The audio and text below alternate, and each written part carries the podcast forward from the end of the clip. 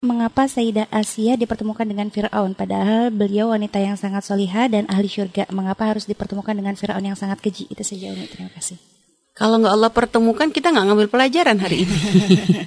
Misalnya seorang istri soleha ketemu suami yang soleh, enak banget gitu ya. Uh -huh. Kan itu juga ada kisahnya. Uh -huh. Seperti kisahnya Sayyidina Imran, ayahanda dari Sayyidah Maryam, uh -huh. mempunyai istri Hannah yang uh -huh. sangat soleha juga. Sudah ada kisahnya. Uh -huh. Tapi kan kisah-kisah begini nih, seorang wanita yang kuat imannya, uh -huh. di saat punya suami yang kafir, suami yang zalim, yeah. kan nggak banyak kisahnya. Uh -huh. Maka subhanallah, ya, diceritakan begini supaya jadi pelajaran bagi para wanita. Hmm. Artinya jangan karena kedurhakaan suami kepada Allah suami istri ngikut hmm. karena kan ada kata pepatah surga nunut rokok katut nah, ada ya naudzubillah itu kan pepatah nggak beres banget gitu ya hmm. enak banget ke surga kalau ke surga ngikut iya hmm. tapi kalau ke, ke neraka kita uh, kecantol juga ya nggak mau gitu loh.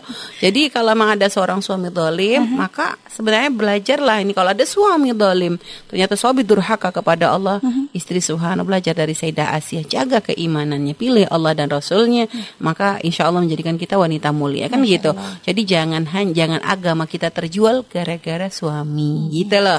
Ini pelajaran nih yang ingin kita diajarkan oleh Allah kepada kita hambanya, yaitu bagaimana kita menjaga keimanan kita dalam dalam setiap keadaan. Uh-huh. Ada suami yang subhanallah diuji istri yang durhaka. Lihat ditinggalkan seperti kisahnya Nabi Lut. Yeah. Nabi Lut nggak ragu, walaupun sebenarnya dia mungkin cinta punya anak juga kan, uh-huh. tapi ditinggalkan karena durhaka kepada Allah. Uh-huh. Ada anak yang ditinggalkan, bahkan dalam kisahnya Nabi Nuh uh-huh. gitu ya. Yeah. Nah begitu juga. Jadi ada ternyata suami yang ditinggalkan kisahnya Sayyidah Asia. Yeah. Allah buat dengan berbagai macam model uh-huh. supaya apa? Ambil pelajaran. Yeah. Subhanallah orang tua yang mungkin diuji dengan anak yang durhaka. Hmm. Maka ya subhanallah ada Nabi Nuh yang pernah mengalami itu. Hmm. Ada subhanallah saudara yang punya saudara yang jahat. Kisahnya Qabil dengan Habil. Hmm. Dan diceritakan semua begitu komplitnya. Hmm. Kisah-kisah dalam Islam itu semua mengambil ibrah. Yeah. Bahwa yang penting kalau tujuan kita adalah Allah, maka ujian yang di sekitar kita ini akan menjadi satu hal yang ringan kan gitu artinya tetap jangan sampai agama kita terjual gara-gara manusia kan gitu hmm. siapa pun dia apakah dia orang tua